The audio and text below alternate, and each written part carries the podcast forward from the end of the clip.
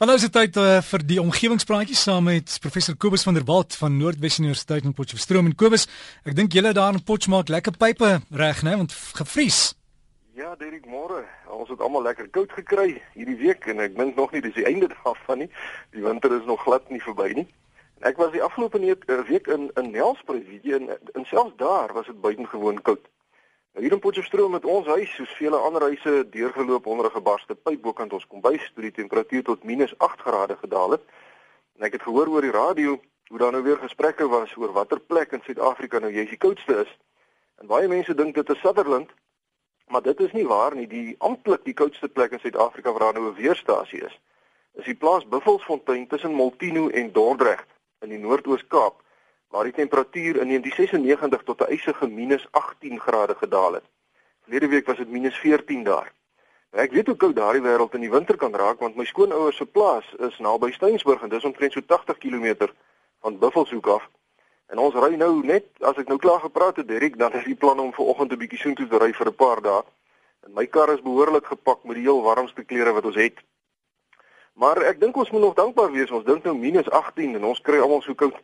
Maar as mense dit nou vergelyk met die koudste temperatuur wat al ooit op grondoppervlak op die aarde gemeet is, dan is dit -89,2 grade Celsius wat in Julie 1983 by die Russiese stasie Vostok op Antarktika gemeet is.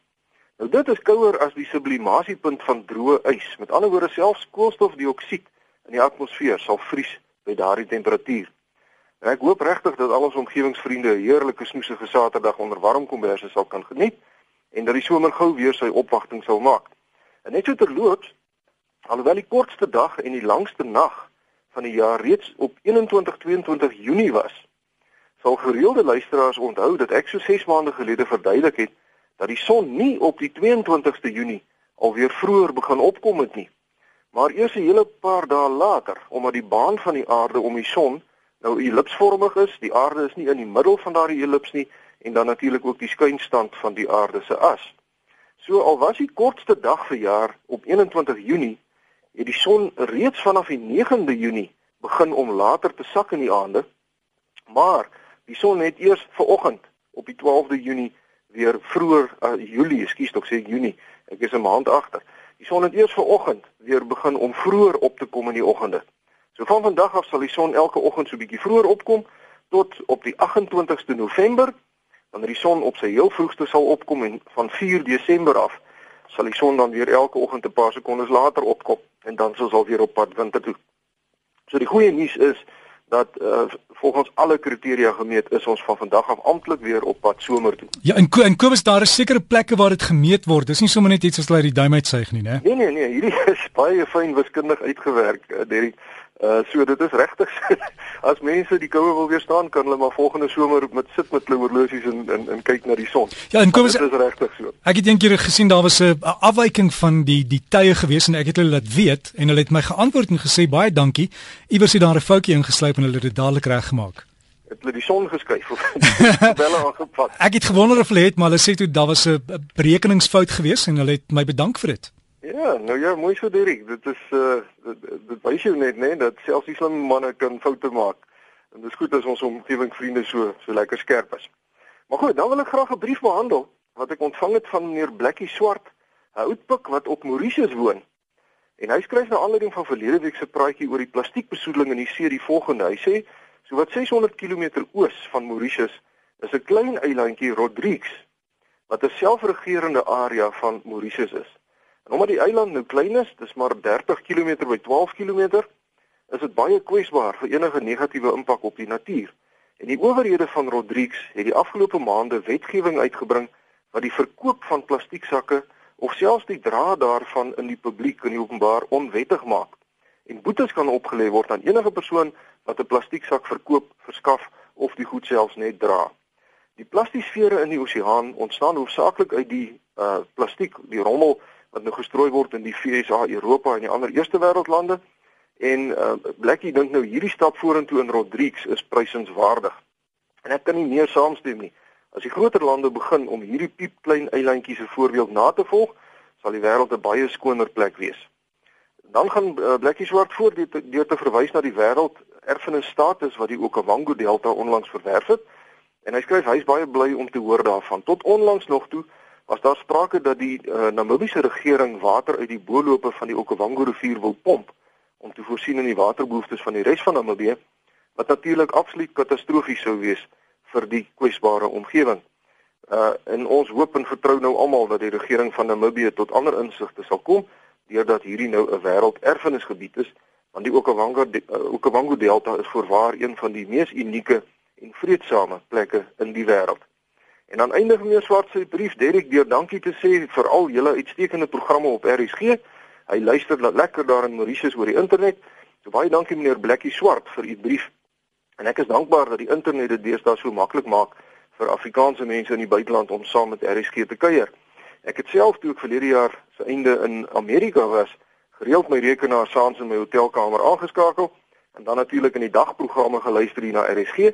En dan voel mens daarom nou nie so alleen en ver van die huis af nie.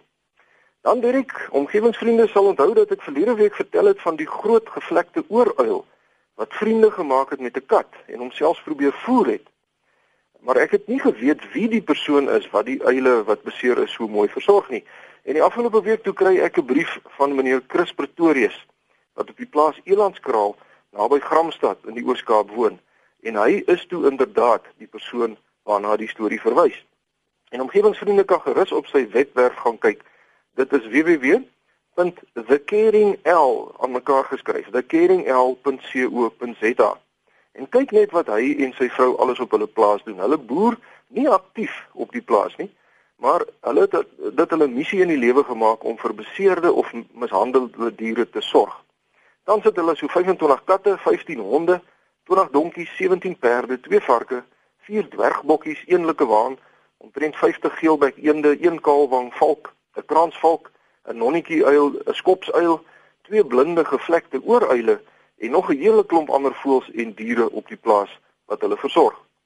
Nou ek dink daar is 'n baie spesiale plekkie in die hemel vir mense soos meneer Chris Pretorius en sy vrou wat hulpelose voëls of diere wat soms op die wreedste denkbare wyse deur mense mishandel word, sal inneem en liefdevol sal versorg totdat die dier weer vrygelaat kan word in die natuur of indien die beserings permanent is vir die res van hulle lewe sal sal hulle nou hierdie dier versorg. En die merkwaardige is dat meneer Pretorius geen befondsing hiervoor ontvang van enigiemand af nie. Hulle doen dit alles uit hulle eie sakke omdat hulle lief is vir diere en voëls. Gaan lees gerus op die webwerf www.thekering.l.co.za.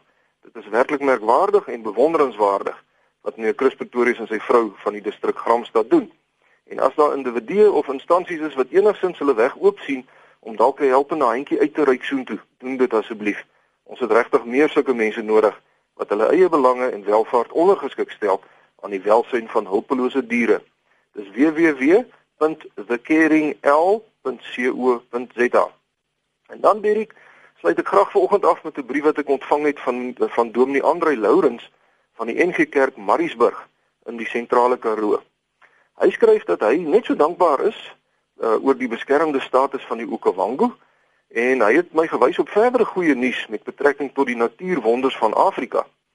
En dit is dat die Oos-Afrika Hof die voorgenome pad wat deur die Tansaniese owerheid beplan was en wat deur die skone Serengeti uh, nasionale area sou gaan.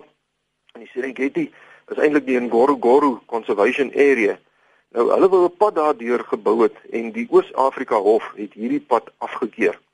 Ek is saam baie dankbaar daaroor want ek glo vas dat ons jaloers moet waak oor die enkele werklike ongeskonde natuurgebiede wat nog oor is op aarde. Dominee Laurens sê verder dat hulle bevoorreg is om in die skone Karoo te woon want dit is 'n bevorderlike omgewing vir talle omgewingsvriendelike toestelle. En hulle maak die afgelope 7 jaar gereeld gebruik van 'n sonstoof want in die helder Karoo son kook dit water in 'n japtrap. Dit funksioneer as 'n oond vir vleisstukke so springbokbout, skaapbout en kudunek en dit bak heerlike brood en ander oondgeregte. En nou begin my mond sommer kwyl Dirk want ek het gesê ons is nou nou op pad daar na die Karoo toe na my skoonma toe en ek weet die die oond is klaar aan vanoggend. Hy sê verder dat omtrent uh, onder die Karoo nou snerpend koud is in die winter ehm um, hulle 'n hele paar gloeilampe op strategiese plekke in hulle huis uh vervang in die winter met wit infrarooi ligte wat dan nou lig en hitte verskaf sodat hulle nie nodig het om enige verwarmer nou aan te skakel nie. Dis nou sommer 'n oulike plan dink ek. As 'n mens 'n paar gloeilampe vervang vervang met uh, wit infrarooi ligte, dan is dit sommer lekker as die as die lig aan is. Hy sê verder die omgewingsforum van Mariesburg doen wonderlike werk op die gebied van opvoeding, herwinning en die beheer van uitheemse plante. En die dorpenaars het onlangs vlam gevat vir organiese boerdery en sommige het ingekoop op die erdwurm konsep. So herfsblare word dus al hoe minder rondgeskuif deur besems en al hoe meer gewaardeer as gebergte sonenergie.